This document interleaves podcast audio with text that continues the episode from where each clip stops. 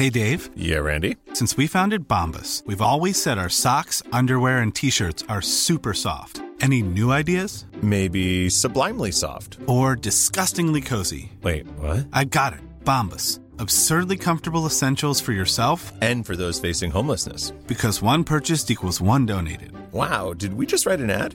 Yes. Bombas. Big comfort for everyone. Go to bombas.com slash ACAST and use code ACAST for 20% off your first purchase. When you're ready to pop the question, the last thing you want to do is second guess the ring. At Bluenile.com, you can design a one of a kind ring with the ease and convenience of shopping online. Choose your diamond and setting. When you find the one, you'll get it delivered right to your door. Go to Bluenile.com and use promo code LISTEN to get $50 off your purchase of $500 or more. That's code LISTEN at Bluenile.com for $50 off your purchase. Bluenile.com code LISTEN.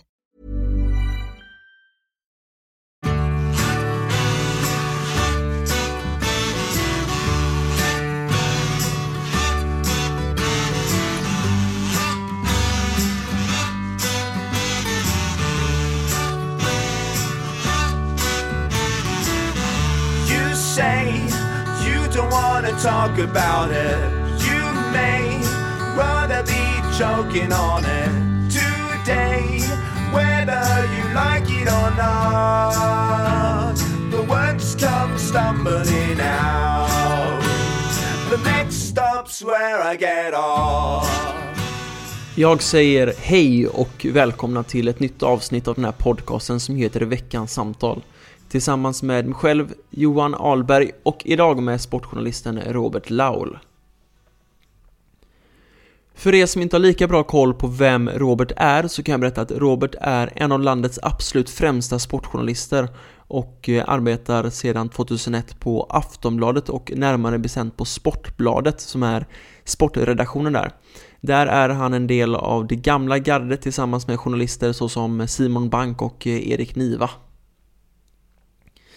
Det här avsnittet kommer faktiskt inte handla så mycket om fotboll som man kan tro, utan avsnittet kommer snarare handla om Roberts uppväxt, hur ett stressigt journalistliv kan se ut, saker som man försakar för att ta sig fram i arbetet som journalist, om hat, karriärsval och hur det kan vara positivt att bli utsedd till Sveriges sämst klädda man som faktiskt Robert har blivit. Vi kommer även prata om den så kallade Zlatan-affären som Robert var inblandad i i allra högsta grad och som senare resulterade i en sju år lång bojkott från Zlatans sida mot Aftonbladet. Detta och mycket, mycket mer. Så för mig är det bara att säga varsågoda, här har ni samtalet med Robert Laul.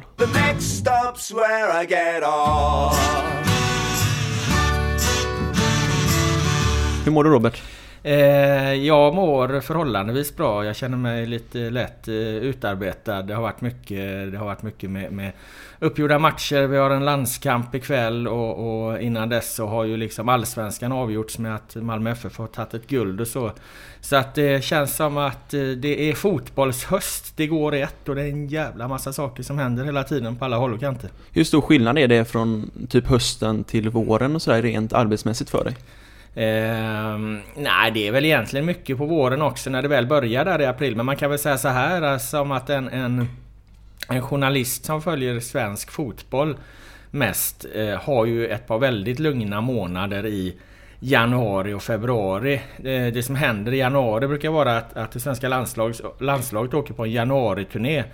Eh, vilket innebär att de är borta i nästan två veckor i något soligt och varmt land och, och, och eh, spelar två lökmatcher och, och ingen jävel hemifrån bryr sig om oss utsända vad, vad, vad vi egentligen gör där. För det är så lite intresse kring den. Så att, eh, det är ungefär som att man får åka iväg och bygga på solbrännan i två veckor där och, och, och, och, träffa lite landslagsspelare under tiden. Så att det är väldigt härliga månader, januari, februari. De är väldigt lugna arbetsmässigt. Så det, det är silly season och lite övergångsnyheter och så, lite träningsmatcher men egentligen inget, inget stort drag liksom. Utan det börjar sen i, i mars när Svenska Cupen sparkar igång och sen Allsvenskan kommer igång. Då, då rullar det på men, men annars är det väldigt lugnt i januari, februari om du är, är journalist som följer svensk fotboll.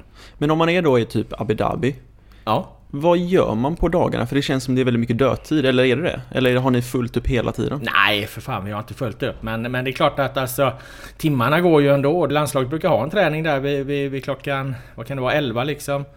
Ja men så det tar ett tag att ta sig ut dit. Eh, du, träningen håller på i en och en halv timme, två timmar ibland kanske. Du intervjuar lite spelare efteråt.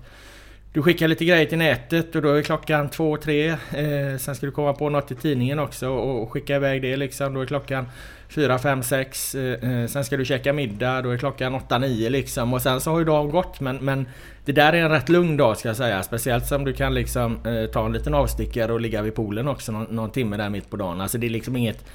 Det är inget, inget, inget tryck på dig hemifrån att liksom som det alltid annars är liksom att Nätchefer jagar dig för att du måste leverera för det är stora händelser. Tidningschefer jagar dig, webbchefer, tv-chefer, allt vad fan det är liksom. Så är det ju inte eftersom januariturnén är inte så stor så att eh, du styr lite själv. Du skickar någon grej till nätet, du skickar någon grej till tidningen. Du kanske får iväg ett tv-inslag. Då är alla nöjda. Då, det, då, då hör du inte av cheferna och det är också jävligt skönt. Men hinner man eh, gå iväg med kollegorna och dricka en bira? Ja absolut. Oftast så hinner vi på kvällarna när klockan börjar närma sig 7, 8, 9 där. Då är de flesta färdigjobbade. Då, då går man iväg och käkar och, och i och med att man är liksom utomlands och så så blir det gärna att man tar, tar, tar en öl eller ett glas vin till det eftersom det samtidigt är det lite semesterfeeling över det så att eh, jo då, det blir tid för det också. Kan det bli 4, 5, 6, 7, 8 öl också? Eh, alltså jag skulle inte säga att det är någon regel men det är klart att mot, mot slutet av en resa och, och, och man känner att fan nu har vi gjort vårt här liksom. Alla matcher är spelade, träningen är avklarade kanske en dag tills man ska åka hem. Då, då är det klart att man känner att, att nu har man ändå jobbat hyfsat bra här och, och, och eh, vill liksom stilla nerverna lite och, och, det är också kul. Man är ute med ett gäng man, man, som man halvkänner lite. Man kommer ganska nära varandra i och med att man umgås varje dag och så. så att där är det klart att det kan bli en liten avslutningsfest. Du, om du själv skulle få beskriva vem Robert Laula är, hur skulle du förklara vem du är då?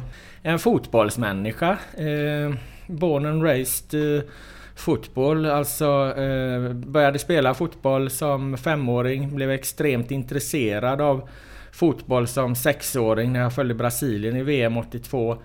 Eh, hela min identitet var ju liksom killen som cyklar runt på på eh, killen som cyklar runt i Jonsered med, med en fotboll på pakethållaren på cykeln. Eh, eh, tidigt på morgnarna och liksom väckte kompisarna för att nu måste vi spela fotboll liksom. I skolan var, det, var min fröken övertygad om att jag skulle bli en stor fotbollsstjärna. Jag var först ute på, på liksom fotbollsplanen, på rasten. Eh, allting handlade om fotboll. Jag gick väl i gympabrallor fram till liksom åttan bara för att jag skulle kunna spela fotboll på rasterna. Och då hade ju mina polare ändå liksom börjat eh, ta på sig jeans och, och försöka träffa lite brudar och, och, och, och så här va. Men, men jag fortsatte fram till egentligen till nian då jag väl jag insåg att fan man kan inte bara spela fotboll på rasten. Och, och farmor eh, och jag åkte upp och köpte ett par, par eh, Dockers jeans tror jag det var liksom. Oh, som, var, som var mycket stolt när jag kom till, till skolan och, och, och så. Så att... Eh, nej, sen ramlade det på. Jag blev fotbollsjournalist. Och jobbade kvar i, i den världen. Så att jag har ju liksom... Jag har ju ätit och sovit och andats fotboll i hela mitt liv egentligen. Jag, jag spelade ju, kom ju upp till Superettan då, min aktiva karriär och sen har jag som sagt fortsatt. Och, och bevaka fotboll i alla dess former eh, ur ett journalistiskt perspektiv då. Jag tänkte stanna kvar lite i din uppväxt där. Ja. Och först och främst vill jag fråga vart efternamnet Laul kommer ifrån? Det kommer från eh, Estland, det betyder sång. Eh, den estniska melodifestivalen heter Esti Laul och Laula är då sjunga på estniska. Så att min farmor kom till Sverige när hon var, jag tror hon var 10 år, det var under andra världskriget. De var båtflyktingar. Kom med sina föräldrar då hon och hennes syster. Och eh, ja, hamnade så småningom i Jonsered som ligger en bit utanför Göteborg då, ett brukssamhälle där, där hennes föräldrar, min, eh, vad blir det, gammelfarmor och gammelfarfar då fick ju jobb på fabrikerna. Eh, och sen eh, ja, så föddes min pappa efter ett tag och, och bodde också i Jonsered och sen är jag själv uppvuxen i Jonsered så det finns väldigt mycket estländare överlag i Jonsered för att väldigt många av dem estländarna som flyttade under kriget hamnade i de här olika brukssamhällena runt om i Sverige som kunde erbjuda jobb på spinnerierna och på, på bomullsfabrikerna och allt vad det var. Skulle du säga att du hade en, en bra uppväxt i Jonsered eller? Ja det tycker jag. Den var ju extremt präglad av fotbollen som jag sa. Det var möjligt att man kanske skulle liksom förkovrat sig på annat håll. Men jag hade liksom tre intressen när jag var liten och det var Eh, det var ett att bli fotbollsproffs, två att bli författare, tre att bli journalist. Liksom. Det, så länge jag kan minnas tillbaka så, så har jag eh, tänkt i de banorna. Det går ganska långt tillbaka. Eh, man brukar ju liksom bli intresserad av det man var bra på. Jag var bra på fotboll, jag var bra på så fri skrivning i skolan och då, då kom väl de andra grejerna därifrån. Så att de här yrkesvalen och de här övriga livsvalen har varit varit ganska naturliga skulle jag säga. Men du är ju idag en av eh, landets absolut främsta sportjournalister.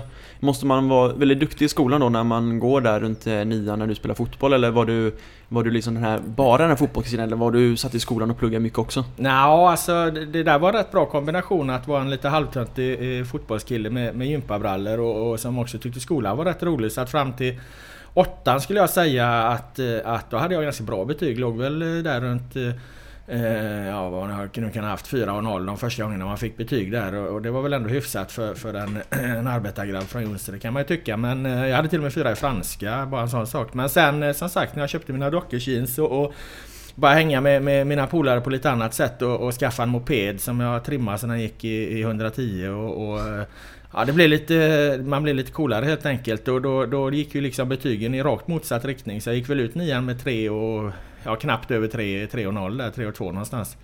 Eh, så att eh, nej, jag har aldrig varit särskilt duktig. Sen började jag så här samhällsvetenskaplig program då som detta och det det orkar jag inte alls med liksom. Då hade jag sedan länge tappat intresset för franskan och då skulle man lära, lära sig spanska också. Och då, då åkte vi för det mesta ut ur klassrummet där på gymnasiet. Så att jag hoppade av samhäll eh, efter ett halvår bara och, och började jobba som vaktmästare på, på en idrottsplats där på, på Sävehofs idrottsplats handbollslaget och tog nya tag eh, ett halvår senare och för att då hade de inrättat en ny en ny utbildning, Medialinjen. Det var första gången den, den eh, fanns i Sverige då. Det här var väl 90 94 då. Eh, så då kom jag in på det istället på en annan skola i Lerum. Eh, och det var, den var, det var ingen riktig ordning och reda där. Det var en riktigt rörigt, eh, rörig linje. De hade inte riktigt satt alla vad, vad fan vi skulle läsa egentligen. Så att det var ganska lätt. Så att där krånglade jag mig ur gymnasiet utan att vara särskilt närvarande. Men med ett glödande intresse fortfarande för att skriva och, och, och det här då. Så att i de ämnena som var mer relaterade till journalistik då gick det väldigt bra. Men när jag själv gör, ja, om man säger livsval, då så det är ju någon slags brytpunkt om man känner liksom att ja, men det här vill jag verkligen syssla med eller det här vill jag göra eller det här inriktningen vill jag göra. Mm. Har du också någon sån där du, där du liksom tänker att ja, men just när det här hände, då kände jag att fan, det är ju sportjournalist jag vill bli. Ja, nej egentligen inte för att sportjournalist vill jag egentligen aldrig bli. Det var lite lustigt också. Journalist vill jag bli hela tiden och som sagt jag kan inte peka på den punkten utan jag kan bara liksom när jag går tillbaka i minnet känna att eh, det var de här tre, tre grejerna jag alltid funderar på liksom. Man funderar ju rätt mycket där i 10, 11, 12 års ålder vad man ska bli egentligen och, och, och någon vill bli brandman och någon annan polis och, och, och så vidare då. Man, grabb i alla fall. Så att, eh, Eh, jag hade de där liksom fotbollsproffs, eh, författare, journalist liksom. Men sen när jag väl började studera journalistik på allvar då eh, på Ljungskile folkhögskola här, då är jag framme när jag är 22. Då, och då spelade jag fotboll samtidigt i Ljungskile där och då var ju min inställning egentligen att inte bli sportjournalist. Jag vill inte hålla på med sportjournalistik för jag vill inte bli så himla nischad där i i den här eh, klassen och, och, och, så här. Det, var, det hade blivit väldigt lätt liksom att jag var fotbollsspelare eh, kanske i första hand liksom. Journaliststudent i andra och så skulle jag även hålla på med då skriva sportjournalistik. Så jag gjorde jag gjorde absolut ingenting. Jag skrev absolut ingenting sport när vi hade övningar och så utan jag valde liksom andra ämnen. Eh,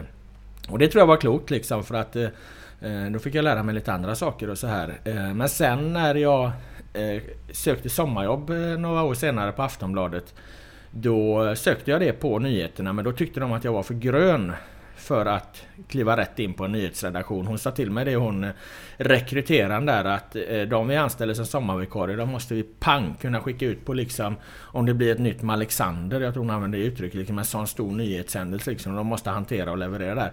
Vi tror inte att du är där riktigt men däremot så är vår sportchef väldigt intresserad av att få in dig på, på Sportbladet. Vi ska starta Sportbladet här, vi har precis startat Sportbladet. Eh, och han eh, eh, tycker du verkar oerhört intressant eh, eftersom du har den här bakgrunden som fotbollsspelare då. Var, var detta 2002 eller? Ja, detta är 2001 till och med. 2001? Ja. Eh, så han tyckte det var väldigt intressant eftersom han hade bak, bakgrunden som, som fotbollsspelare då.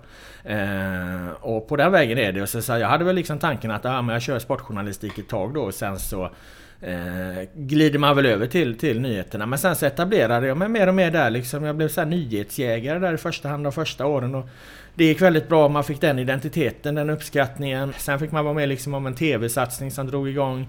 Ehm, jag gick över till att vara krönikör sen många år senare liksom, vilket gör att man utvecklar sitt språk på ett bra sätt. Liksom, så att det fanns alltid möjligheterna för, för en att utvecklas journalistiskt även om man låg kvar inom sportjournalistiken då. Så att, eh, även om jag emellanåt har haft mina tankar, fan vad kul att prova en ny avdelning, så har man liksom ändå, man har ändå kunnat känna att man gör, gör något nytt, att man, man gör något, något, något meningsfullt med, med sitt yrkesval hela vägen ändå.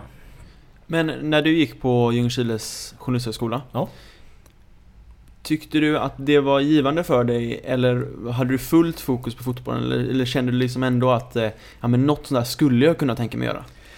Ja, det där var lite ambivalent måste jag säga. För att det, det är klart att vi tränade ju fotboll sex dagar i veckan. Eller det, det var åtminstone sex tillfällen i veckan. Det kanske var fem träningar. Och och en match då. Och jag menar, lever du i en sån där tävlingsmiljö som, som ju Chile ändå var med, med att det sitter liksom i väggarna att här gör du ditt yttersta. Det finns ju något speciellt med Ljungskile. Du kommer ju liksom inte upp där och, och, och fuskar på, på, på ett hemjobb. Utan Ljungskile har ju hela tiden liksom Dels varit väldigt skickliga på att rekrytera eh, spelare som andra har missat och, och, i, i området kring Göteborg och så vidare och även i Bohuslän och Uddevalla.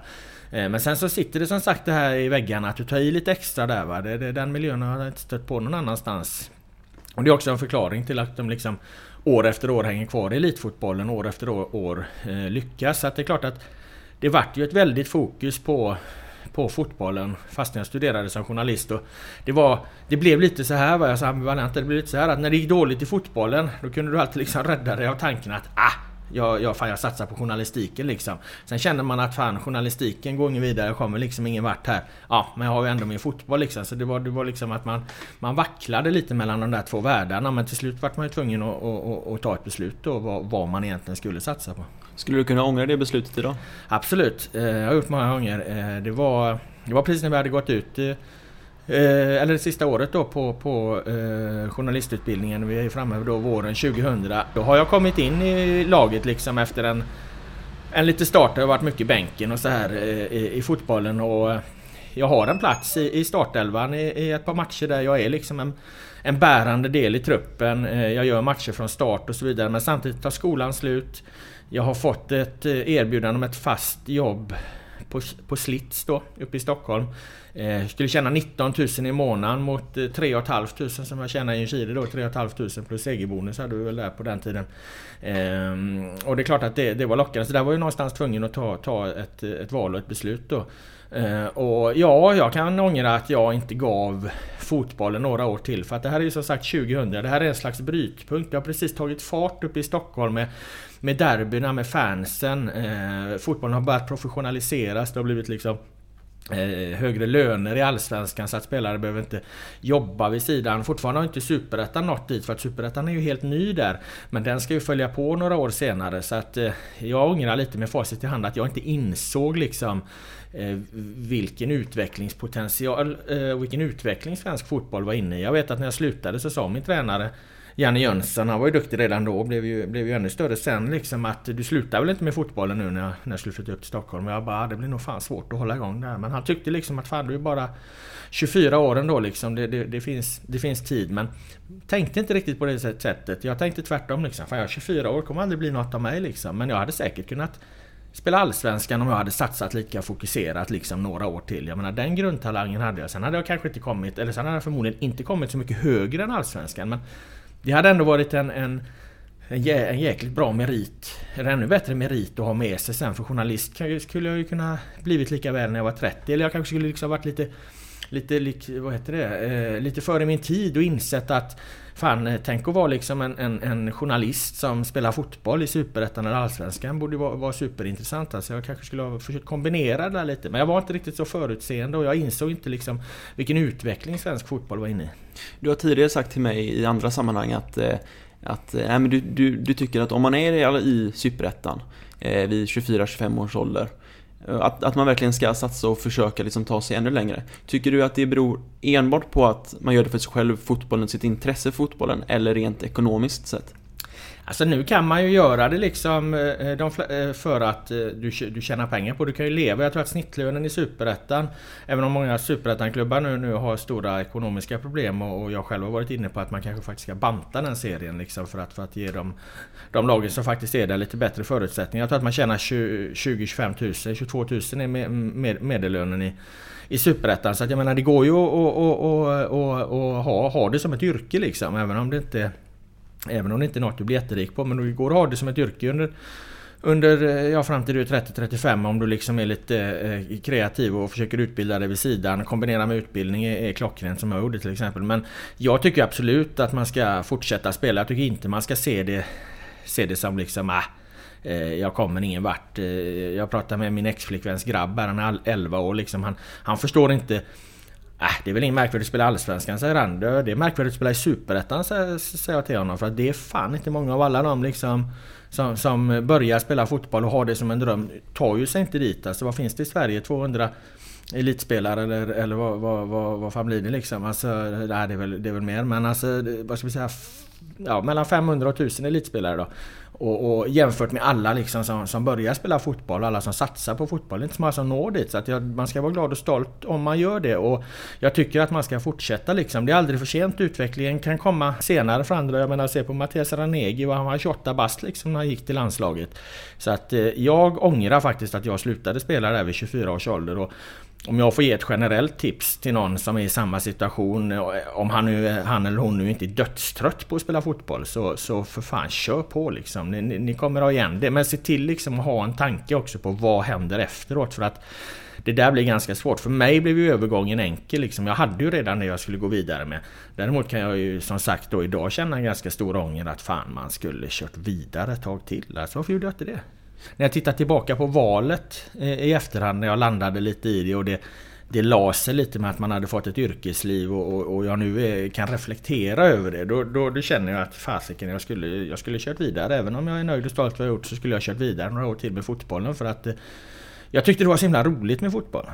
Det dröjde ett tag innan jag fattade liksom att vad man saknade Eh, det här med omklädningsrummet och, och, och, och, matcherna och så. Och visst, jag har fortsatt att spela på, på, på lägre nivåer i, i, i, trean och fyran och femman och till och med sexan har jag varit med här nu. Men det...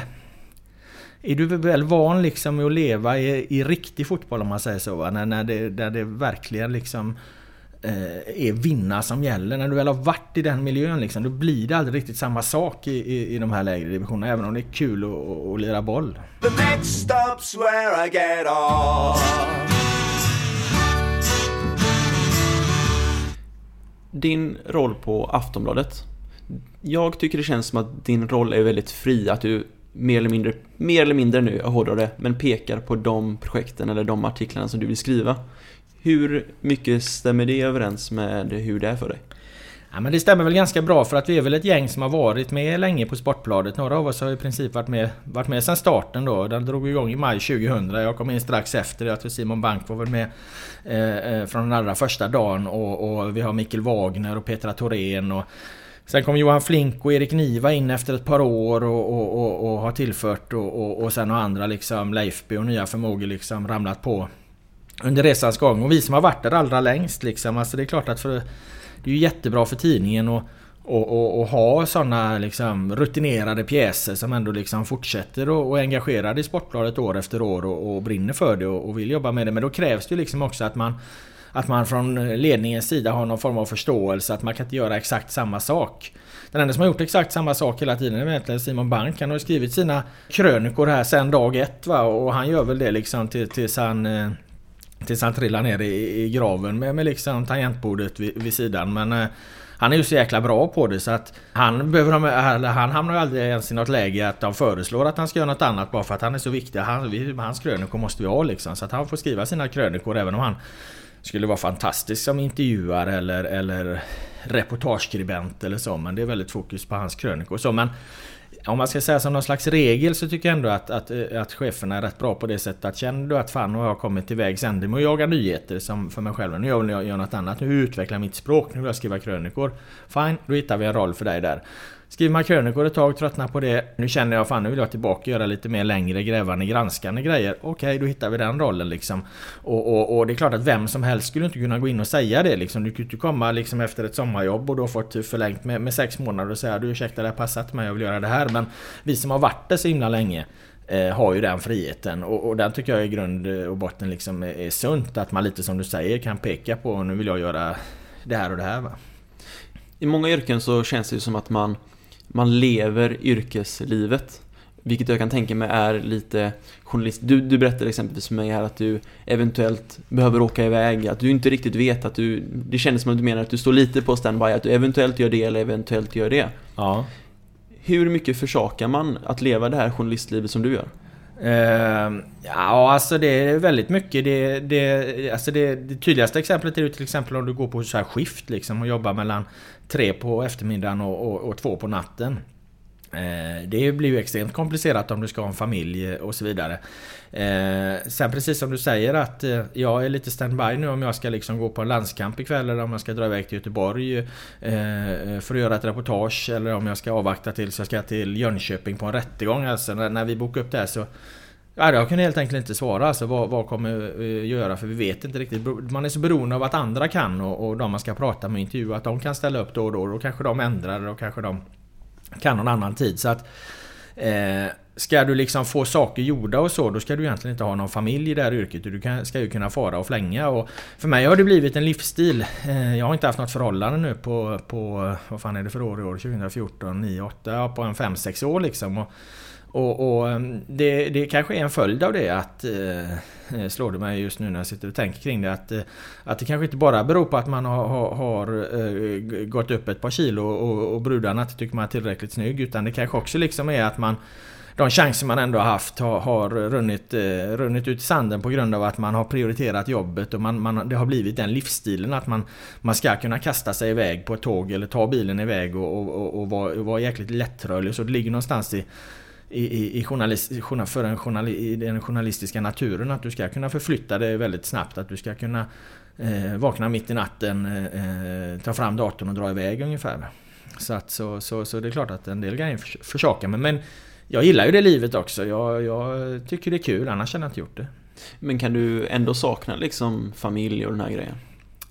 Det, ja, jag vet inte. Jag har ju liksom egentligen aldrig haft det så. Och jag, jag är väl lite av inställningen att alla människor kanske inte ska ha barn eh, och, och, och, så. De flesta gör ju det valet eh, för att de vill och brinner för det och för att det, det ligger liksom i människan att man, man liksom ska Ska eh, fortplanta sig och så här, fan det här kan jag ingenting om men... Eh, men... Eh, eh, å andra sidan det kanske inte behöver vara så konstigt att vissa väljer att inte göra det heller, jag vet inte. Och, och det är inte så att jag, jag säger att jag absolut inte vill ha några barn eller så men, men, men nu börjar man bli till åren och, och det har inte blivit så hittills. Och, jag har en ex-flickvän vars grabb då, som jag nämnde tidigare har jag väldigt bra kontakt med. Brukar kolla på hans fotbollsträningar och, och, och matcher och, och, och, hjälpa till och skjutsa och, och, allt sånt där liksom. Och, den relationen tycker jag är fantastisk att ha liksom. Och, eh, jag hade gärna haft en, en, eh, en familj själv liksom och så här, men, men eh, av olika anledningar har det liksom inte blivit så.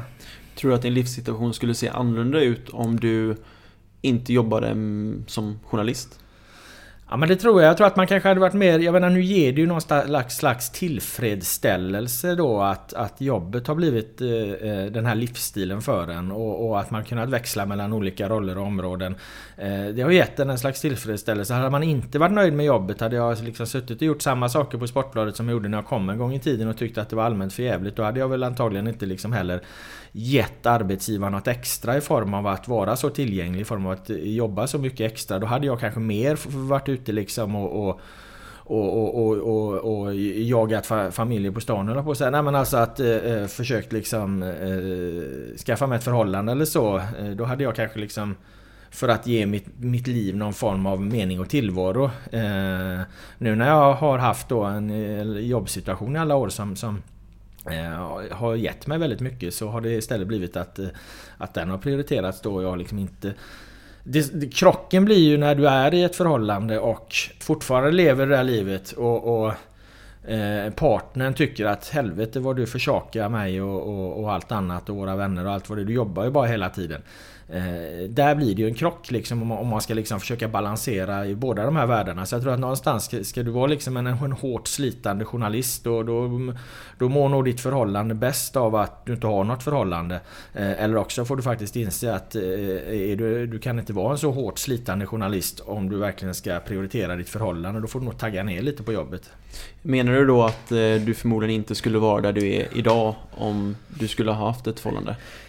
Det kanske jag hade varit men eh, jag hade kunnat slita mig upp till, till, till liksom den position som jag skaffade mig efter ett antal år på Sportbladet och sen liksom nöjt mig med det och, och, och eh, satt lite mer hårt mot hårt och, och, glidit runt och skrivit lite krönikor och inte engagerat mig så mycket extra och, och lagt liksom mest tid på, på, på familjen. Så att jag, det hade väl gått att, att prioritera på det sättet men jag hade inte kunnat jobba som jag gör just nu där jag jobbar med, med mycket med längre reportage och, och mer granskande grejer som tar en extremt mycket stor tid av än att man måste vara tillgänglig hela tiden, anpassa sig efter andra och så. Det kan, jag, det kan jag egentligen enbart göra eftersom jag är eh, själv och inte ha, behöver eh, förhålla mig till någon annan liksom. Om, om du är ute på ett uppdrag och du ska ta reda på eh, någonting som du har hört, du har fått ett tips om någonting mm. och du vill ta reda på om det stämmer eller inte. Finns det någonting som du känner så att ja, jag kan göra det här och det är på gränsen till att det inte är okej? Okay. Och finns det saker som är så här, det här är faktiskt inte okej att jag gör för att få reda på det här? Alltså den där diskussionen har ju funnits med, med vad gäller dold kamera ju som ju på ett sätt är tveksamt. Alltså man lurar ju människor och så men ibland är det ju ett, liksom ett verktyg som, eh, som måste till för att avslöja oegentligheter. Sen tycker jag att man får ställa allt, allt i proportion till vad, vad är det egentligen man liksom ska avslöja. Vi hade ett exempel i Uppdrag granskning här där de med, med dold kamera eh, filmade en, en före detta fotbollsspelare då. Han säger en sak i, i, i, när han inte vet att han är filmad, han säger en annan. När han konfronteras med det han har sagt inför den här dolda kameran, det kan man ju liksom jag tycker det var intressant, det handlar ju om uppgjorda matcher och så. Eh, det tillförde en, en spets till ett övrigt liksom pedagogiskt eh, uppbyggt eh, reportage. En väldigt stor nyhet idag får vi säga. Ja, ja men, men då kan man också fråga sig liksom, är det, man får ju ställa det i proportion till att man, vad ska vi då, inom Alltså, man hänger ut den här spelaren då liksom. Och det kanske man ska göra, jag vet inte. Men är det så viktigt? Jag kan tänka mig att man... Dold kamera ska man verkligen använda i, om liksom det, det, det extrema missförhållanden och så. Jag tycker inte man ska göra det för lättvindigt. Jag skulle nog aldrig jobbat på det sättet. I alla fall inte på Sportbladet. Eh, det är möjligen eh, om man hamnar liksom i en annan i en annan journalistisk kultur då som de uppenbarligen har på Uppdrag granskning och, och så. Men, men, det skulle vara väldigt främmande för mig att åka och, och filma någon med, med dold kamera. Utan jag skulle nog försökt liksom gå så långt jag kunde med andra metoder och, och, och ja, räckte inte det då, då, då räckte det väl inte då. Men har du någon gång känt att du har gått över den där gränsen? Eh, ja, det har jag. Jag gjorde det faktiskt en gång. Det är väl preskriberat nu. Men då får vi nog fan backa till liksom skol... Det sista skolarbetet vi gjorde. För då granskade jag ett sånt här eh, pyramidföretag. Och eh, som höll på att sälja massa liksom eh, kosttillskott och, och hälsoprodukter och schampon och allt vad fan det var. Det byggde var någon pyramidstruktur där i alla fall. Det blev ett par sidor i GP som jag fick bra betalt för när jag sålde som frilansmaterial sen. Det blev en jäkla bra grej. Eh, där behövde jag få fram en uppgift och jag kom inte för mitt liv på hur fan jag skulle få fram den här uppgiften. Ehm, och då ringde jag och utgav mig för att vara en annan person. Och det får man ju inte göra liksom. Och det var, vart ju läraren liksom eh, rasande så här, det här får du Det här får du fasiken inte, så där kan du absolut inte göra liksom. Alltså man får inte man får, får ju liksom inte säga att man, man, man är, är någon annan liksom när man ringer. Men jag fick fram uppgiften, den tillförde väldigt mycket och så vidare. Så att eh, eh Det har lite olika syn på det. Jag menar i Uppdrag granskning här så utger de sig för att vara andra personer liksom. Eh, Normalt så, så, så jobbar man inte så. Men om, eh, om exempelvis du träffar en person som du vill ha reda på någonting av och du, eh, du uppger dig själv, eller folk känner ju igen dig, att du är Robert Laul. Vad tycker du är okej okay att fråga eller är det olika i olika situationer vad som är, eller känns okej för dig att fråga? Alltså frågan är ju alltid fri någonstans. Det, det, det, det tycker jag man kan ha som en grundinställning. Eh, jag tog ju med exemplen där på, på hur, om man lurar människor och så. Då går vi in i ett, ett, ett etiskt gränsland där, eller en etisk gråzon. Men, men eh, frågan är ju alltid fri. Du kan alltid fråga vad fan som helst. Där, där ser jag egentligen inga, inga eh, eh bekymmer egentligen. Så jag skulle i princip kunna fråga dig vad som helst? Uh, ja, ja det, det, alltså, det tycker jag. jag. Jag kanske behöver tid på mig att svara. Jag kanske behöver tid på mig att kolla upp saker. Eller den jag då ställer frågan till liksom. Men, men eh, och jag kan alltid välja att inte svara på den. Eh, men eh, frågan, frågan är väl alltid fri om det finns liksom ett, ett, ett relevant syfte med frågan. Varför vill du veta det här liksom? Då, då, då tycker jag att frågan är fri. Så att ja, jag skulle nog kunna tänka mig att jag kan fråga precis vad som helst. The next stop's where I get off. Du, jag undrar om du någon gång ångrar ditt yrkesval?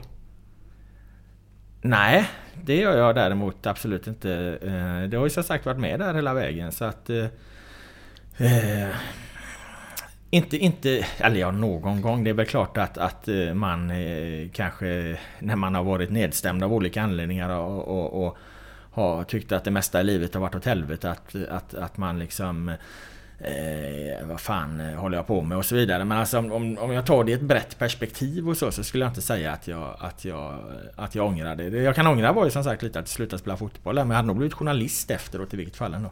Det känns ju som att eh, sportjournalister, eller journalister i stort idag, är mer idoliserade än vad de var förr i tiden innan med hela internet och grejer drog igång. Mm. Uppfattar du det också så? Absolut. Och det kom någon gång, eh, i alla fall i sportjournalistiken här runt eh, 2008 när man börjar märka att eh, fan det här med papperstidning kommer inte fungera så jäkla bra så länge till. Alltså här kommer vi snart få problem med, med stålarna. Då fick man dra ner på eh, den liksom tidskrävande och kostnadskrävande journalistiken. Alltså den som kräver att du du är på plats ett par dagar, att du pratar med folk, att du gräver och granskar och rotar och så. Det som tar lite tid, det som ofta är bra grejer. Men det fick man dra ner på, så ersatte man det med en sjuhelvetes massa liksom kolumnister och krönikörer eh, som tycker och tänker om saker och ting istället.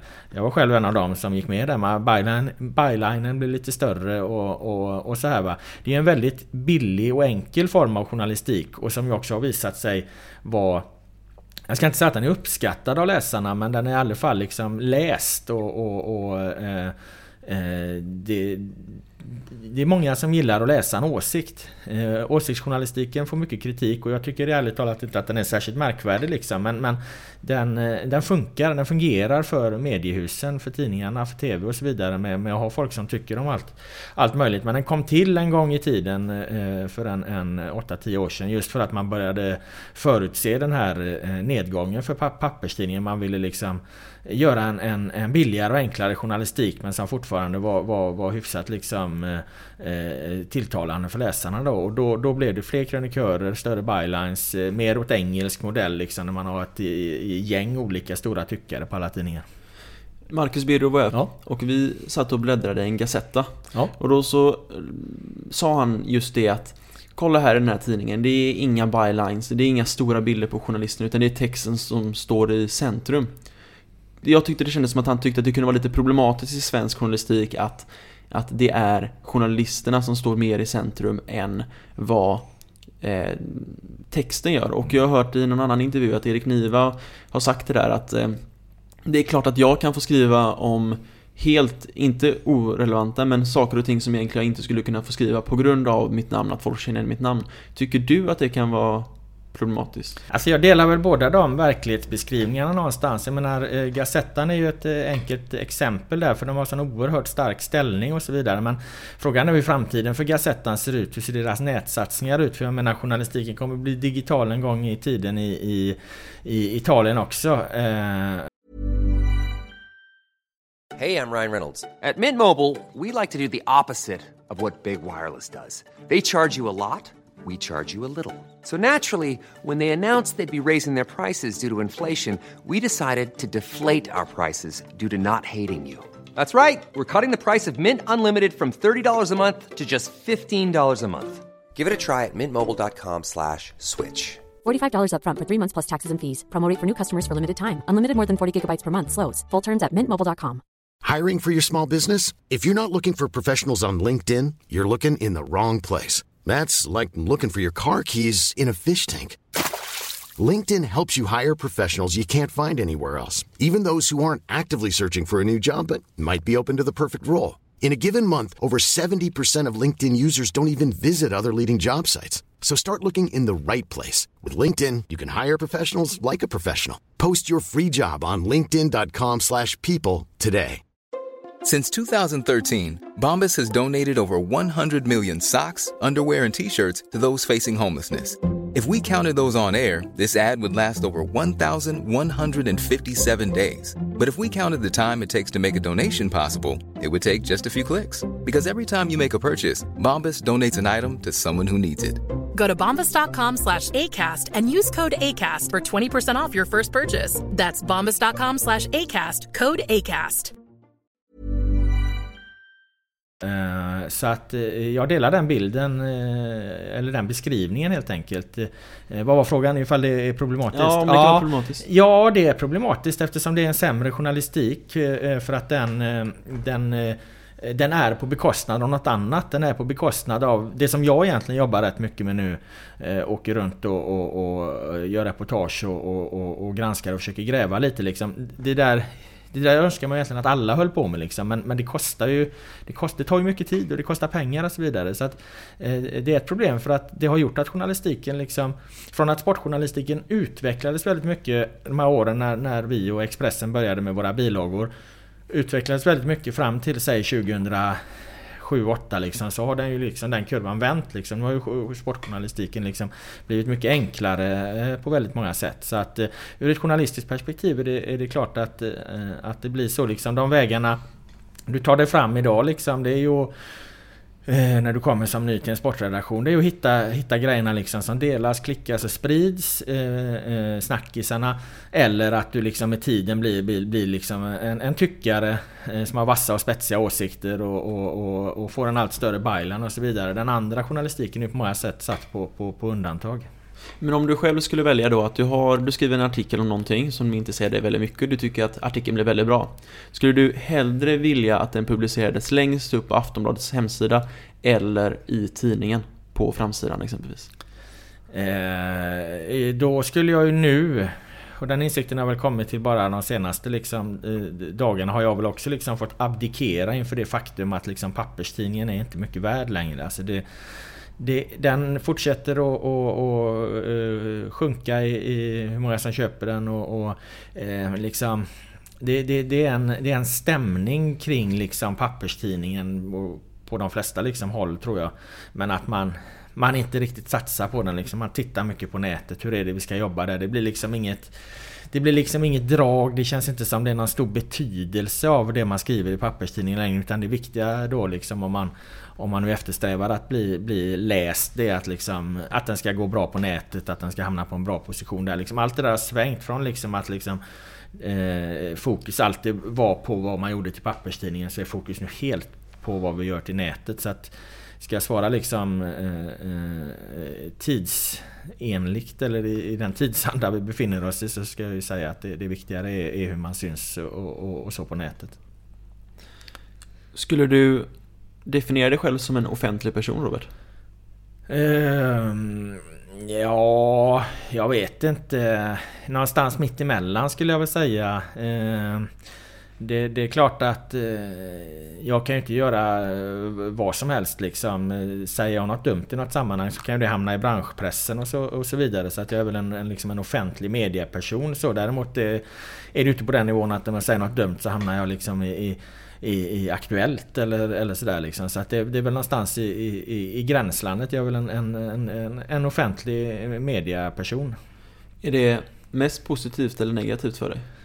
Eh, alltså det måste man ju se. Jag menar eh, herregud. Det är ju extremt privilegierat att ha de möjligheter jag har att eh, att eh, via bloggar och krönikor och, och, artiklar och möjligheter att få åka ut och ställa mina frågor till makthavare. Det är ju en, en jätteprivilegierad position att kunna göra det här liksom. Och sen så till det knyta ett personligt så här, Twitterkonto. Så här, eh, människor vill ju, ju ju bli hörda och, och lyssnade på och, och sedda och, och tagna på allvar och så här. Och, och, har du en sån position som jag har så, så är det en fantastisk möjlighet i det perspektivet. Så att det vore ju förmätet att säga liksom att, att, eh, att, eh, att det inte är en, en liksom fördel att ha den rollen jag har. Sen kan man ju tröttna på den ibland och, och eh, just den då för den innebär också att du får svara på, på massa eh, saker om allt mellan himmel och jord och det kan vara lite svårt att förhålla sig till det där om du är väldigt väldigt insatt i ett ämne och sen så skriver du om det och så får du, får du hundra liksom reaktioner som eh, eh, som tycker helt... Eh, som hittar eh, sina egna infallsvinklar på det här. Då vill du egentligen bara säga men herrejösses, eh,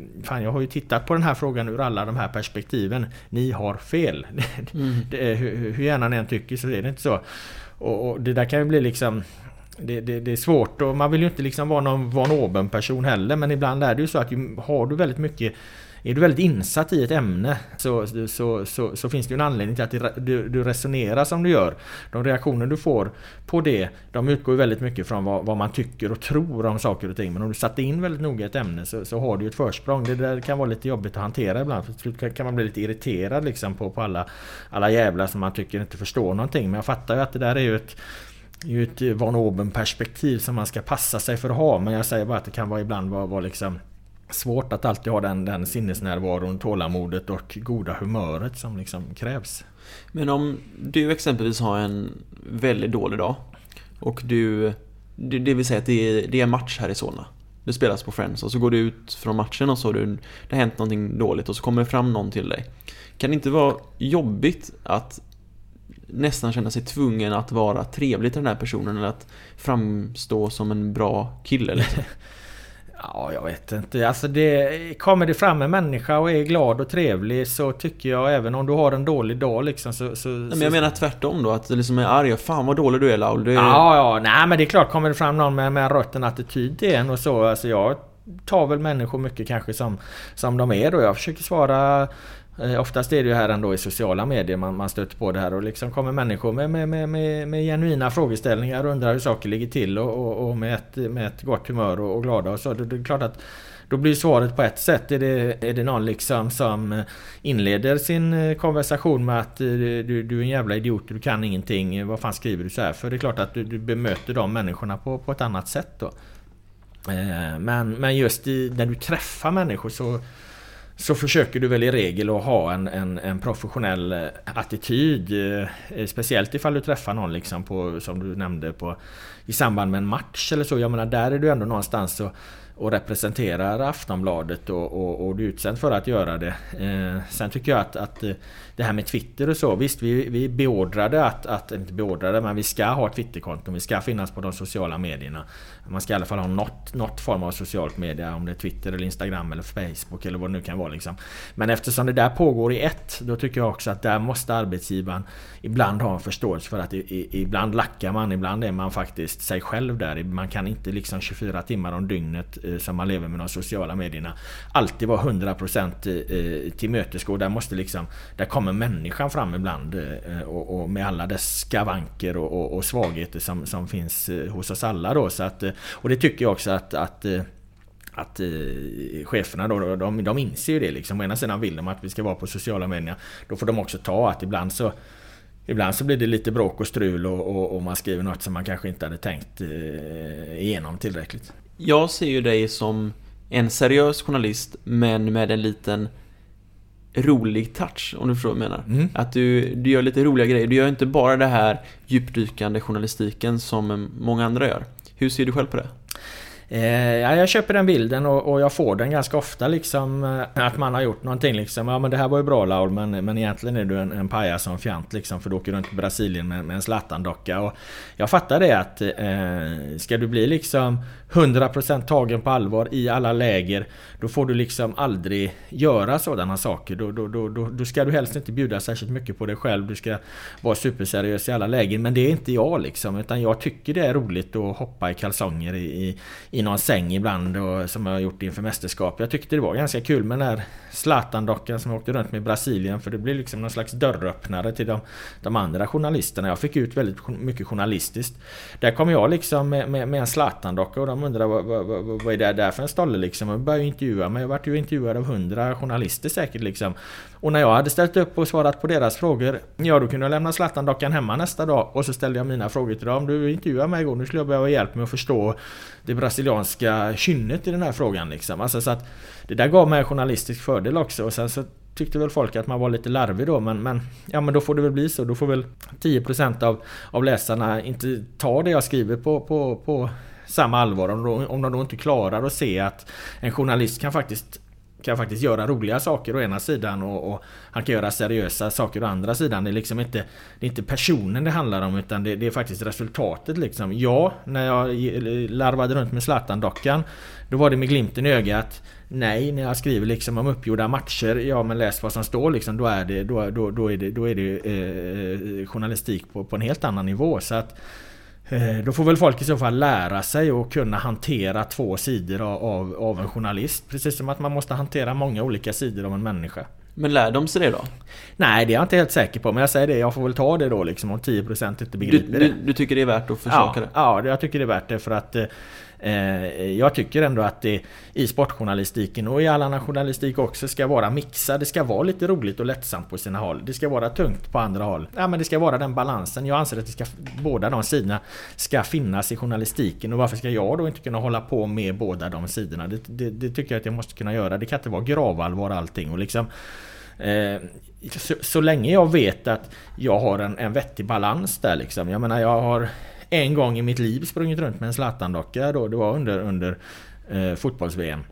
Jag har långt mycket, lagt långt mycket mer tid på all annan journalistik. Så att för mig är det inga problem om någon, om någon vill påstå att ja, men du springer ju bara runt med, med en Zlatan-docka. Då kan jag säga du, ursäkta mig men du har helt fel. Det här är inte sant det du säger. Jag har lagt en halv promille av mitt journalistiska liv. Eller inte en halv, en, en, en biljondels promille av, av all journalistik jag gjort på, på larva runt med en Zlatan-docka. Men alltså jag har lagt extremt mycket tid på, på annan journalistik. Om, om då det finns ett antal personer som inte kan se eller ta in det, ja men då, då får det nog vara så. Men du tycker ju uppenbarligen att det är irriterande. Ja, det kan jag tycka liksom om, om Alltså jag kan tycka det kan vara irriterande att förklara det. Men jag säger samtidigt att jag tycker att jag accepterar att det är så. För att jag, jag inser att jag, jag kan inte... Eh, jag kan, inte, jag kan inte ändra på vad människor tycker liksom. Om man, om man tycker att det är så störande att en journalist är runt med en Zlatan-docka eh, då, då, då måste jag också komma till slutsatsen, ja men då får, då får de ju faktiskt tycka det. Jag tycker det känns som att du, nu har du inte sagt det rakt ut, men som om att du skulle vilja bort från sportjournalistiken och fokusera på annan journalistik också, stämmer det?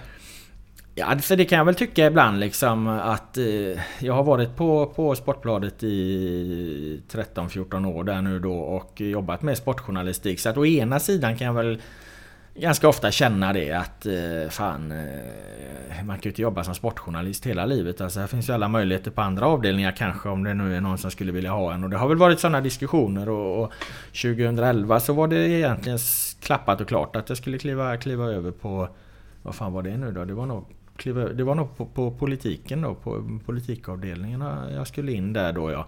Men då ångrar jag mig i sista stund liksom för att då då fick jag det här erbjudandet att, eh, från sporten att vara krönikör på Allsvenskan och utveckla den och då kände jag lite, vad fan, men just det här med att, att skriva krönikor och så, fan det kan du utveckla ditt språk på ganska mycket och så. Ta den chansen nu så kan du alltid hoppa över till, till någon annan avdelning senare. Så att det finns väl, det ligger väl, det ligger väl där i, i bakhuvudet hela tiden att, att man, man skulle vilja göra, göra något annat. Men också som, som jag var inne på i början, det har hela tiden blivit så att man har fått nya utmaningar inom sportjournalistiken. Man har hela tiden liksom känt att okej okay, men du kan, kan jag göra det här. Om jag får göra lite längre reportage och, och, och granska saker och så nu så kan jag lika gärna göra det inom sport egentligen. Eh, för att där har jag en, en, förkunskap och en grundkunskap. Jag vet vilka jag ska kontakta och så vidare.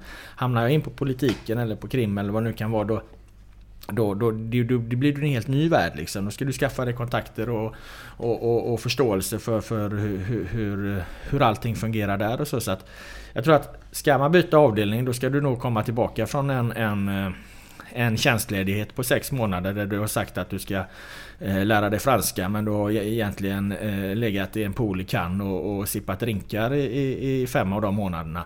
Att du är riktigt utvilad alltså. Att du verkligen, verkligen orkar börja om helt nytt liksom. Jag tror att det kan... Jag tror, att, jag tror inte man ska, man ska inte... Man ska inte byta jobb eller, eller avdelning då i mitt fall om, om du är helt liksom... Äh, nu är jag så trött på den, orkar jag inte liksom. För nu, nu måste jag ha något nytt bara. Och så kommer det något nytt. Då, då, då, då, tror jag du kommer in i det nya på fel sätt liksom. Då tror jag inte att du, du har den här liksom kraften som du behöver när du, när du hamnar i ett helt nytt sammanhang. Du var ju inblandad i allra högsta grad i Zlatan-affären också. Ja. Har du lust att berätta lite om den?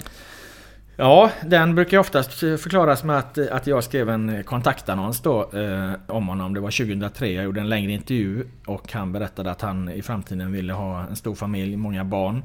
Men att han kände sig lite ensam i Amsterdam eftersom han spelade Ajax då och inte hade någon flickvän. Eh, ja, då får jag sätta ut en kontaktannons frågade jag då. Ja, men det garvade han ju bara åt då. Och då gjorde vi en skämtsamt utformad kontaktannons. Eh, Eh, givetvis mot bakgrund av att det, det, var så absurt allting att det är klart att Zlatan Ibrahimovic, 23 år liksom på, på väg spikrakt uppåt i sin fotbollskarriär, på, precis blivit en landslagsstjärna, att han inte behöver någon kontaktannons för att, för att skaffa tjejer liksom. Det var, där i låg ju hela liksom ironin och så. Han blev rasande på mig, sög tag i mig dagen efter då, på, efter en trän, landslagsträning och sa att, att jag var en en pajas som hade liksom gjort honom till åtlöje och mig skulle han minsann aldrig mer prata med. Så att han var förbannad på mig där i många år. Men sen så blev det också en bojkott mot Aftonbladet. Och den handlade ju inte bara om det utan den handlade om att något år innan så hade han varit på Spybar. Det hade blivit något stök där. Eh, Aftonbladet skrev, eh, skrev om det, alla tidningar, eller i alla fall Aftonbladet Expressen skrev om det. Eh, Aftonbladet drog det ett steg för långt. Eh, skrev att, att han vart polisanmäld för mig att det var. När han i själva verket bara var nämnd i en polisanmälan. Så att eh, det vart ju fel där. Så att då skulle han... Eh, ja, han drog väl det via sin dåvarande agent till, eh, till eh, Pressens opinionsnämnd tror jag det var.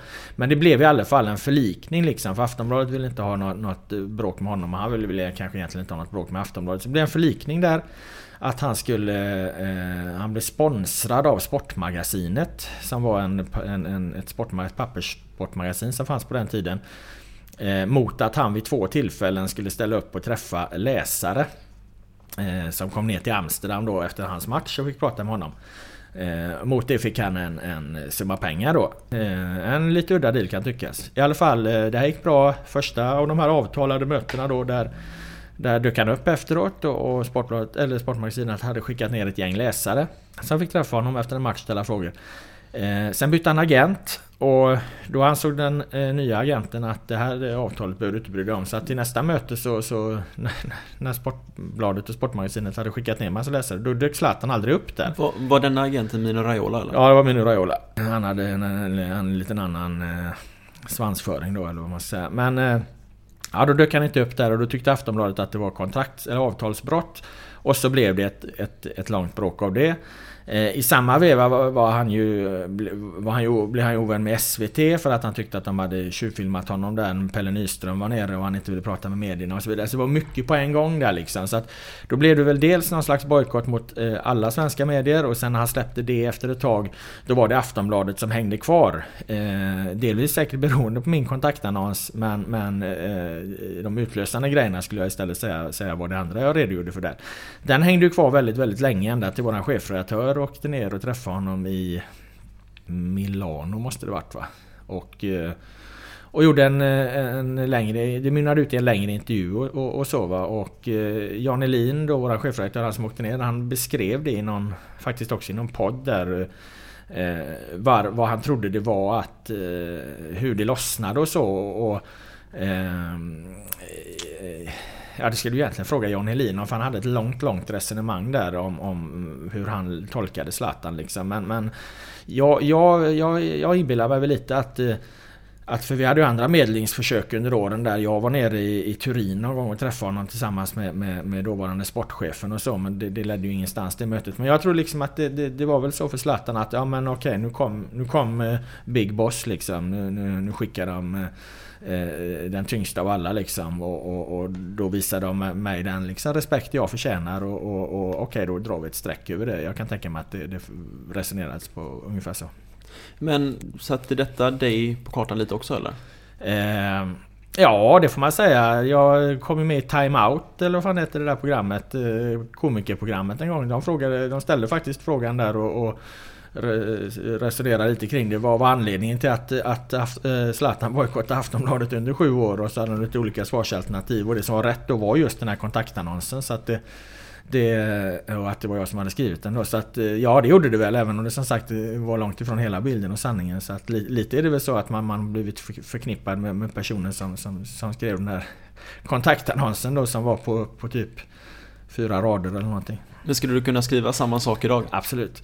Och idag tror jag inte Zlatan hade brytt sig för fem öre. Jag menar idag är det ju karikatyrteckningar av honom i, i, i Spanien, Italien och, och, och Frankrike liksom. Och, och, och, det är liksom är så imitatörer och det skojas. Och, och så för att han är så otroligt stor och för att han i grunden är så populär liksom. Och allt det där byggde ju, den här kontaktannonsen byggde ju på exakt samma resonemang. Är du så, så duktig som han är liksom och så stor så, så, så kan du också skoja med en sån person. Det ligger liksom i, i sakens natur. Så att jag ångrar egentligen inte den och jag tror att jag hade gjort samma sak.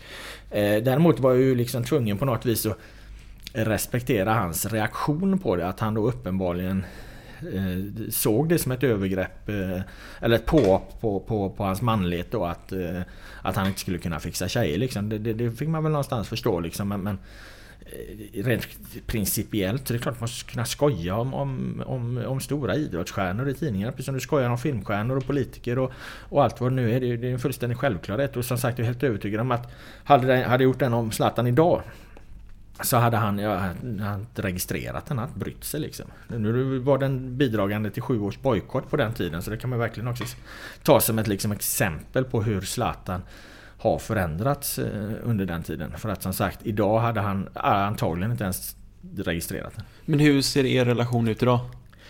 Alltså jag skulle inte säga att vi har någon relation eh, så. Vi har ju givetvis stött på varandra många gånger efter det och, och, jag har ju ställt frågor till honom ibland och han sagt att han eh, inte vill svara på dem eh, med, med anledning av den här eh, bojkotten då. Ibland har han, eh, är det han som har kommit fram till mig och sagt när jag hade skägg en gång då att ja fy fan vad ful du är Laul. Som jag i efterhand kan tycka var rätt roligt även om det var en märklig situation eftersom han sa det liksom ett, ett stort hav av journalister. Då. Var mitt uppe i mixade zonen? Alltså. Ja, var mixad zon liksom. Han höll en utläggning om, om varför de hade haft så svårt att göra mål mot Malta var det liksom. Ja, nej men deras backlinje låg ju lågt och fy fan vad ful du är och sen fick vi inte fram bollen riktigt.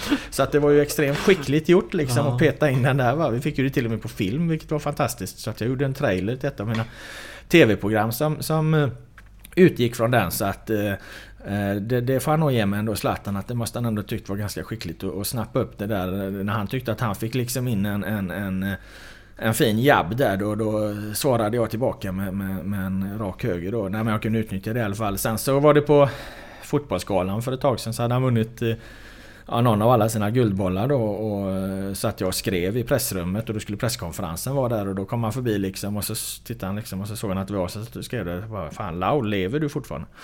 Eh, så att eh, jag, jag, jag tolkar det lite som att, vad fan det är väl ingen fara, även om det är ju inte jag som åker och gör, gör de långa intervjuerna med, med honom. Det vet jag inte om han hade velat. Vi får väl se, det kommer säkert komma ett tillfälle då, då, då vi, vi eh, diskuterar den här saken. Liksom. Det är ju väldigt aktuellt just nu med eh, svenska landslaget i och med att vi förhoppningsvis är på väg till EM. Yes. Ja. Eh, från min research så känns det som att du är väldigt kritisk mot eh, Erik Hamrén. Stämmer det? Ja, det är väl en riktig iakttagelse att, att det har jag varit eh, över tid här och det beror väl i grund och botten på att jag inte riktigt tycker att han han eh, är en, en klockren eh, förbundskapten då, utan kanske snarare en klubblagstränare. Eh, jag lyssnade på Jonas Tern i en podd med, med min kollega Olof Lund där och han han beskrev det lite som att, att Hamrén var en frisk fläkt när han kom in och att det nog behövdes. Och, och, lite ser jag det också så. Det är många som pratar nu om att vi måste ha tillbaka Lagerbäck och, och, och, och det var bättre och så. Men man ska komma ihåg från den här tiden att när Lagerbäck slutade då hade Sverige precis missat ett, ett VM-kval. Han hade varit där väldigt länge. Det är inget argument för att eh, inte fortsätta. Men han ville ju inte själv. Det var ju, det var ju mycket han själv som slutade. Liksom. Han och eh, Lagrell hade väl den överenskommelsen att de, de kör liksom till, till han inte tar Sverige till ett, ett, ett kval längre. För då, då kanske det är läge att, att byta. Då behöver man få in lite nya idéer och så vidare. Eh, så att det, det, tror jag var rätt att man, man, man gjorde ett val. Inte för att Lagerbäck på något sätt var dålig. Han var fantastisk förbundskapten.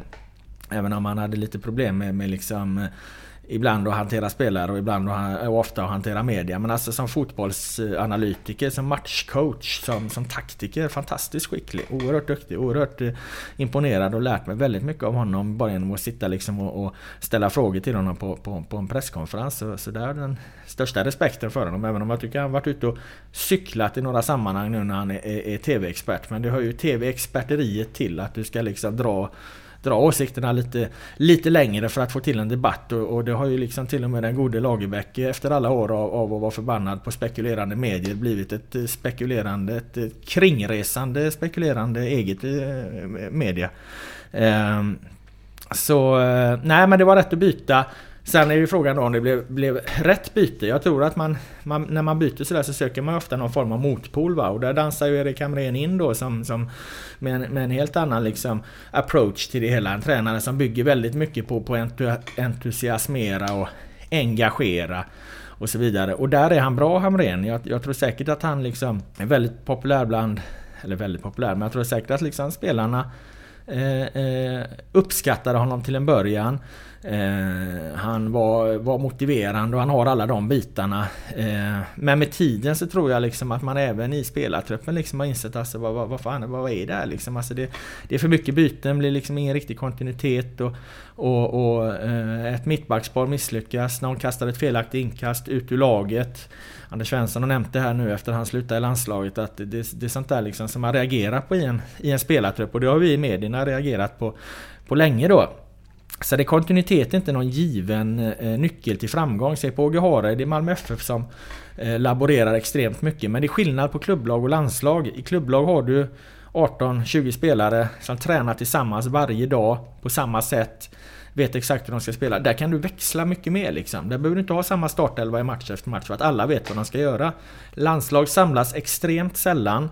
Alla kommer från, eller de kommer från olika liksom Eh, fotbollsfilosofier, olika tränare, olika sätt att jobba, arbeta. Där handlar det liksom om att hitta en, en, en, en elva så långt det är möjligt. Liksom att, eh, och, och sen liksom bygga på den, nöta på den på träningarna, få dem att liksom jag tror Roland Andersson uttryckte det med hjärntvätta dem när de kommer till landslaget. Allt det de, de tänker i sina klubblag måste bort. Det är så här vi jobbar i ett landslag. Så att där blir kontinuiteten mycket, mycket viktigare. Men hur mycket tror du Zlatan bestämmer i, i landslaget exempelvis? Eh, ja, bestämmer och bestämmer. Alltså, det är klart att han... Eh, det är klart att han... Eh, vad fan ska man ta för exempel där? Så man, man, man eh, eh förklarar det. Eh, jag, alltså, jag tror att Hamren anpassar sig väldigt mycket efter honom. Och jag tror att det där är ju, är, är ju saker som liksom märks. Men sen så tror jag inte att det där behöver vara det, något jätteproblem eller knappt kanske ens problem eh, i landslaget. För att eh, det är ju ingen som inte inser. De är inte dumma i huvudet, hans lagkamrater Kim och de här. Alltså de fattar ju liksom att alltså, är det en stjärna på den nivån liksom, så, så, så blir det på ett visst sätt. Eh, eh, det tror jag är fullständigt uppenbart för, för alla.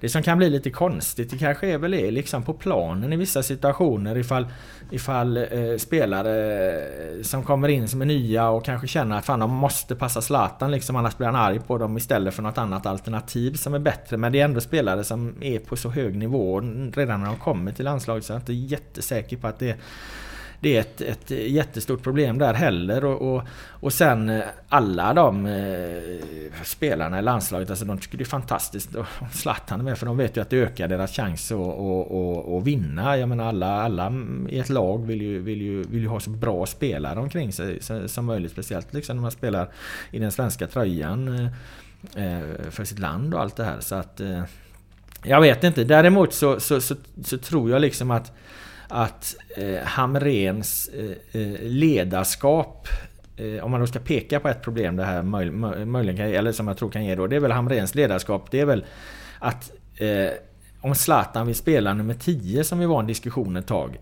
Eh, så var det säkert en roll som, som passade honom bra men jag är inte så säker på att det där passar laget bra. I, i vissa matcher passade Zlatan väldigt bra men i långa loppet tror jag inte det passar Zlatan särskilt bra. Utan Zlatan Ibrahimovic är en fotbollsspelare som i alla sina klubbar eh, spela så nära målet som möjligt för att det är han som kan göra målen. Han ska liksom inte eh, cirkulera vid någon mittcirkel eller så. Det är klart att han för att bryta mönster ibland kan och det är det, det, det jag tycker att det blir fel i diskussionen ibland. Det är klart att han i, i, i situationer kan, kan knalla ner och, och bryta mönster och, och, och vara framspelaren också liksom. Alltså, men så grunden måste ju vara att ha honom så Eh, eh, så nära mål som möjligt. Det gör att han ibland blir isolerad, inte kommer med i spelet och då får han väldigt mycket kritik. Och det tror inte jag riktigt Zlatan gillar och då tror jag kanske att han signalerar att han hellre vill liksom Eh, vara mer delaktig i spelet och så vidare så att det ser bättre ut. Och, och det upplevde jag att Hamrén i vissa perioder vek sig för. Däremot så har han ju inte gjort det nu det senaste när de gick in i det nya EM-kvalet.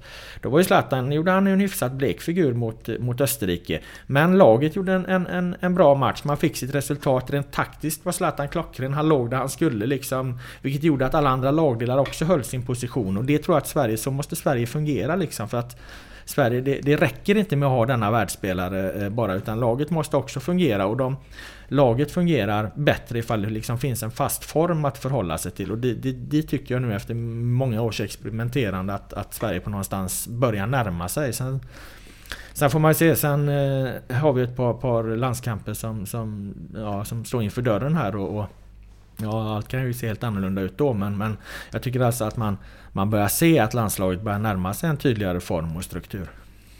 Men svenska landslaget i all ära, men senaste gången vi sågs så hade du på dig en Brasilienjacka.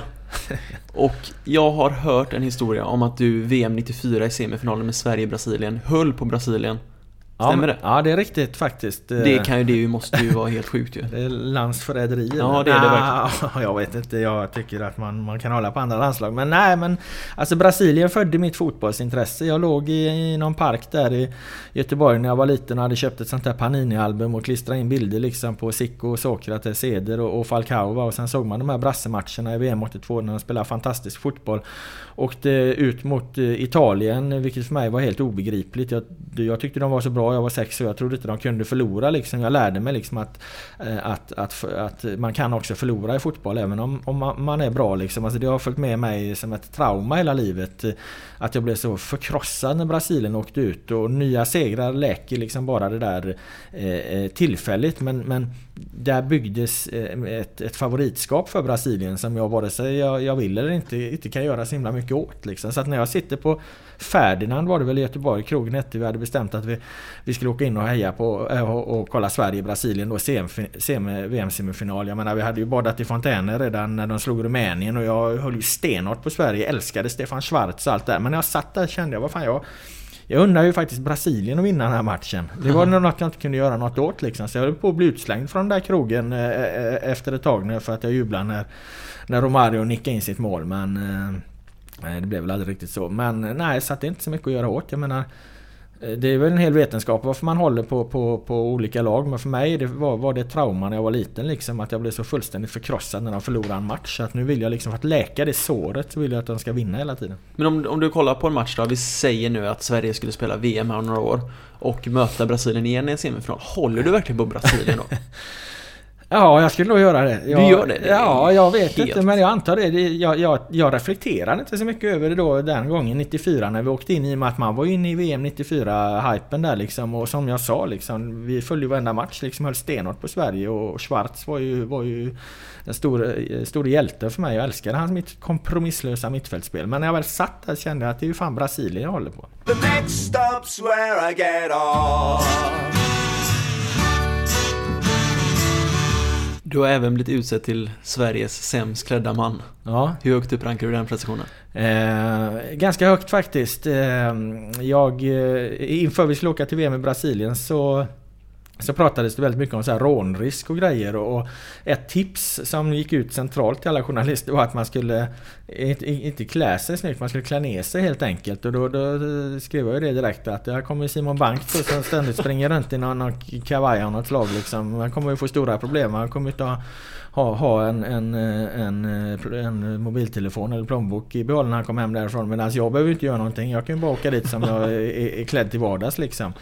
Och eh, sen visade det sig det här vara extremt eh, överdrivet. Alltså jag vet inte, det var... Det var Ekwall som blev av någon kamera eh, då eh, men det var ju inne i ett presscenter så att eh, ute på gatorna. Jag märkte aldrig av att det skulle vara någon rånrisk och så. Vi var ute där och vi var till och med så att vi vinglade hem från krogen någon kväll när vi hade, hade ledigt och, och, och det var aldrig några problem. Jag tyckte det var extremt överdrivet och nästan lite så nedvärderande mot, mot mot Brasilien. Jag menar jag har blivit rånad en gång i mitt liv och det var på Stureplan liksom så att det där kan, kan hända precis vad fan som helst. Men tar man inte åt sig när man får en sån utmärkelse? Nej, alltså det, du, du hade ju tagit åt dig om... Om jag hade blivit utsedd, om jag hade blivit utsedd till Sveriges sämsta, sämsta journalist så hade det klart att jag hade, det hade svidit i hjärtat. Eh, för att det är ju något jag liksom ägnar mycket av min vakna tid åt och sen så, så, så, så kommer någon, någon, någon, någon jävel här och säger att du tar mig fan den sämsta journalisten i hela Sverige. Det är klart att det är jobbigt men jag menar kläder har du, är för mig något du har på dig för, som skydd mot kylan. Hade det inte varit kallt i det här landet så hade jag gått i shorts varje dag. Liksom. Shorts och t-shirt. Jag ser inget argument för att ha något annat i klädesväg på sig än shorts och t-shirt. Jag har funderat på saken. Inte, inte, inte hitta ett enda argument varför man inte alltid skulle ha shorts och t-shirt på sig om det är varmt ute. Lyssnare får gärna eh, höra av sig och, och, komma med någon annan invändning. Men det finns ingen anledning att ha något annat än shorts och t-shirt. Jag hade på mig shorts och t-shirt eh, varje dag i, i eh, eh i Brasilien. Nu är, det, eh, nu är det kallt ute här idag när vi spelar in det här och nu idag har jag ett par eh, joggingbyxor på mig. Men det beror mest på att vi bor ganska nära varandra när vi spelar in det här. Och, eh, och eh, jag ska dra iväg på gymmet sen och jag hade knappt vaknat innan jag satte mig och åkte hit. Så, så, så, så att det är klart jag har på mig ett par jeans när jag går till jobbet för att annars väcker det ju anstöt liksom. Du får inte omgivningen tillåter ju inte att du ser ut hur som helst liksom. Men eh, jag har alltid shorts på mig på somrarna även på jobbet och, och eh, har ju varit lite tisslats och tasslats lite om att Aftonbladet ska införa klädkod klädkod och så vidare. Men så hade vi konferens här för några veckor sedan och då kom Jan Helin dit i shorts va? Så då tog jag en bild på honom och la ut på Instagram liksom. Och du gjorde resumé då, en branschtidning, en artikel på detta liksom. Att här går Jan Helin runt i shorts på konferenser. Så att nu sitter ju Helin i rävsaxen. Han kommer aldrig kunna införa någon klädkod. För han har ju själv gått i bräschen för att det är helt okej okay att ha shorts på sig. Och det jag välkomnar det oerhört mycket att han han som en stark ledare vågar kliva ut och ta, ta detta kontroversiella beslut och, och, och genom detta uppträdande säga att det är okej att ni har shorts på jobbet. Det kommer ju leva kvar så länge han är chefredaktör och, och som sagt en sån ledare följer jag. Ja, då sitter du lugnt i båten. Jajamän. Ja. Du eh, Robert, är det någonting som jag inte har tagit upp med dig som du trodde att jag ville prata med dig om? Eh, nej, det, det är det väl egentligen inte. Det tror, tror jag inte. Du har väl frågat om allt mellan himmel och jord tycker jag. Det låter bra. Får jag tacka så jättemycket för att du tog dig tid Robert. Ja, inga problem. Tack själv.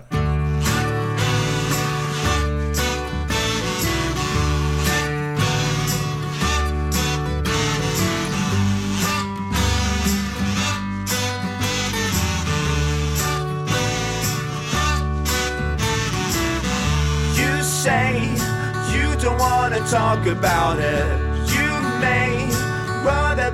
choking on it today, whether you like it or not. The words come stumbling out. The next stop's where I get off.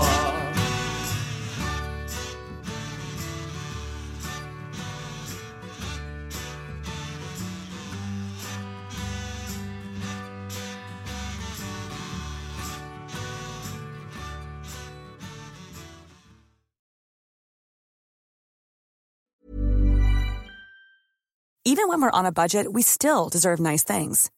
Quince is a place to scoop up stunning high-end goods for 50 to 80% less than similar brands. They have buttery soft cashmere sweaters starting at $50, luxurious Italian leather bags, and so much more. Plus, Quince only works with factories that use safe, ethical, and responsible manufacturing. Get the high-end goods you'll love without the high price tag with Quince. Go to quince.com/style for free shipping and 365-day returns. Even when we're on a budget, we still deserve nice things. Quince is a place to scoop up stunning high-end goods for 50 to 80% less than similar brands. They have buttery soft cashmere sweaters starting at $50, luxurious Italian leather bags, and so much more. Plus, Quince only works with factories that use safe, ethical, and responsible manufacturing. Get the high-end goods you'll love without the high price tag with Quince. Go to quince.com/style for free shipping and 365-day returns.